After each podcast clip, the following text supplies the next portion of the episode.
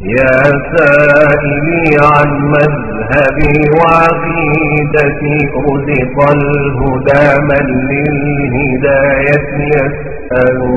اسمع كلام محسس في قوله لا ينثني عنه ولا يتبدل.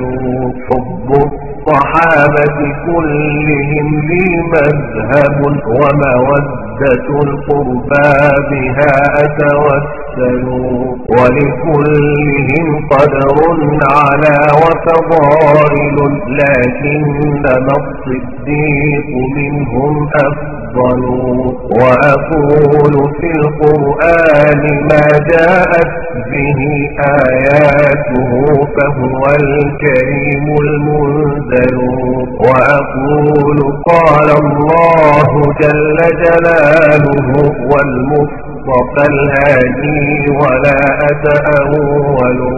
وجميع آيات الصفات أمروها حقا كما نقل الطراز الأول. وأرد عهدتها إلى نقالها وأصولها عن كل ما يتخيل. قبحا لمن نبذ القرآن وراءه وإذا استدل يقول قال الأفضل.